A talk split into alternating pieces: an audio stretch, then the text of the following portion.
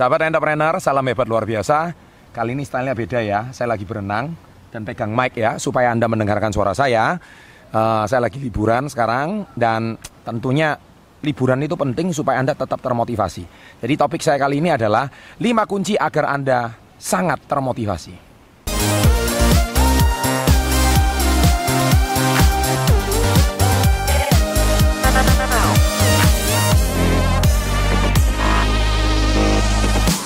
Apakah saat ini Anda sedang mengalami sebuah rutinitas yang membosankan?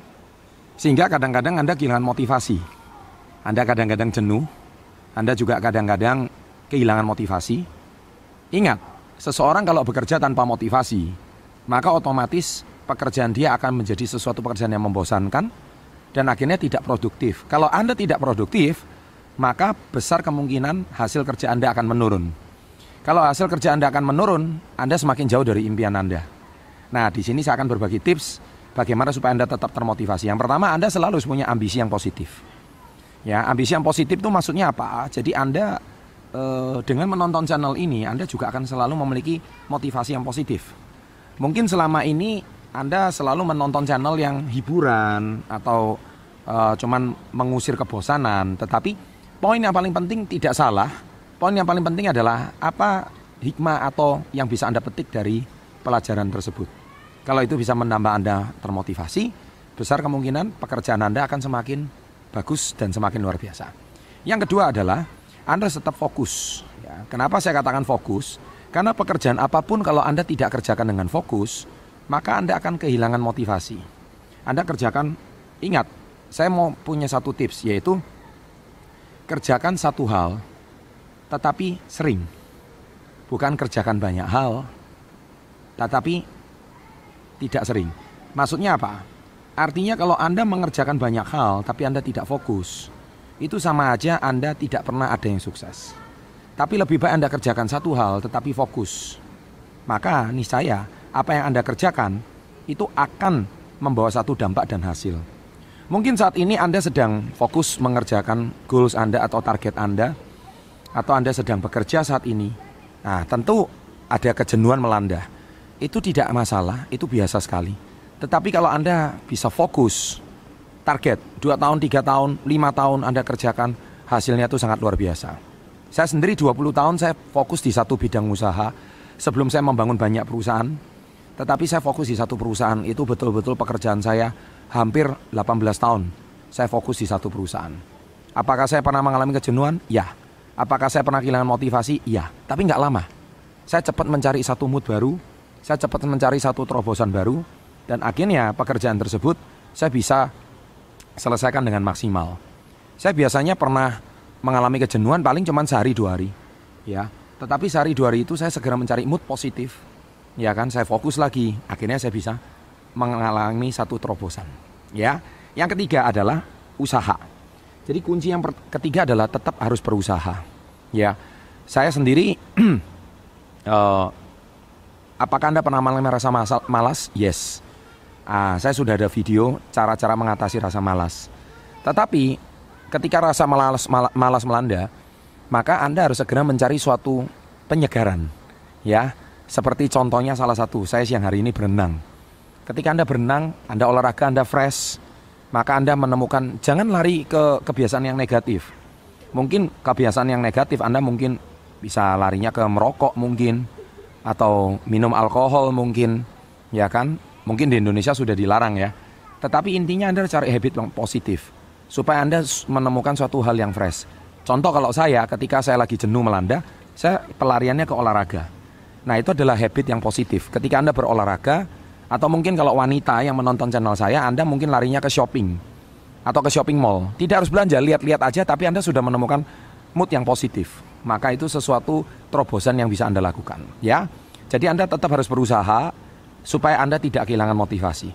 Yang keempat, Anda bisa menjadi sangat termotivasi kalau Anda punya sikap yang baik, attitude yang baik, ya. Respon yang baik.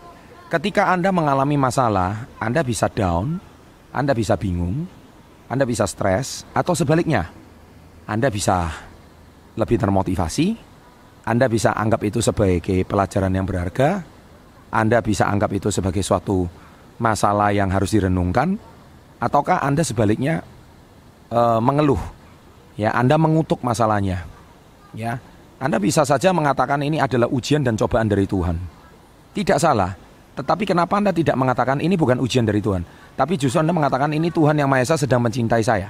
Menguji saya agar saya lebih uh, kuat lagi, lebih hebat lagi. Karena tidak ada orang sukses yang tidak melewati ujian. Tidak ada orang sukses yang tidak melewati badai. Tidak ada orang sukses yang tidak melewati masalah. Jadi ketika Anda punya masalah, sikap Anda itu menentukan apakah Anda bisa naik kelas atau turun kelas atau tetap di kelas yang sama. Ingat kehidupan juga punya ujian. Ingat kehidupan juga mempunyai suatu uh, nilai yang harus Anda lakukan. Bedanya kalau di sekolah kalau Anda mau lulus, Anda harus ujian dulu baru Anda bisa lulus. Tapi dalam kehidupan Anda harus menghadapi uh, masalah dulu baru Anda bisa punya nilai yang bagus.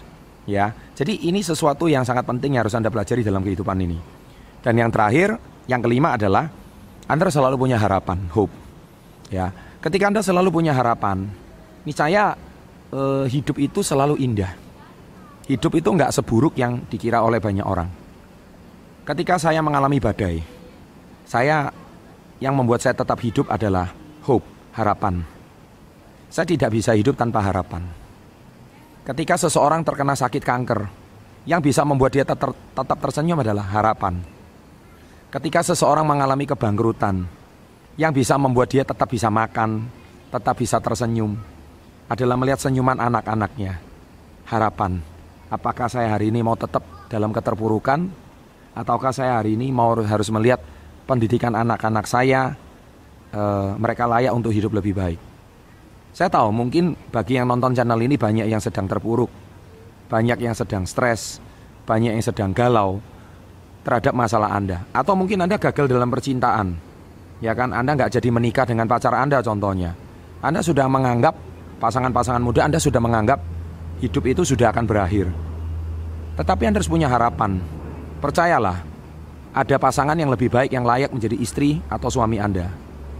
Hidup tidak harus berakhir di sini. Tapi hidup bisa indah kalau Anda selalu punya harapan. Kenapa saya bisa bangkit dari badai saya ketika uh, keluarga dihinggapi hutang, masalah? Karena saya selalu punya harapan. Saya percaya suatu hari saya pasti sukses.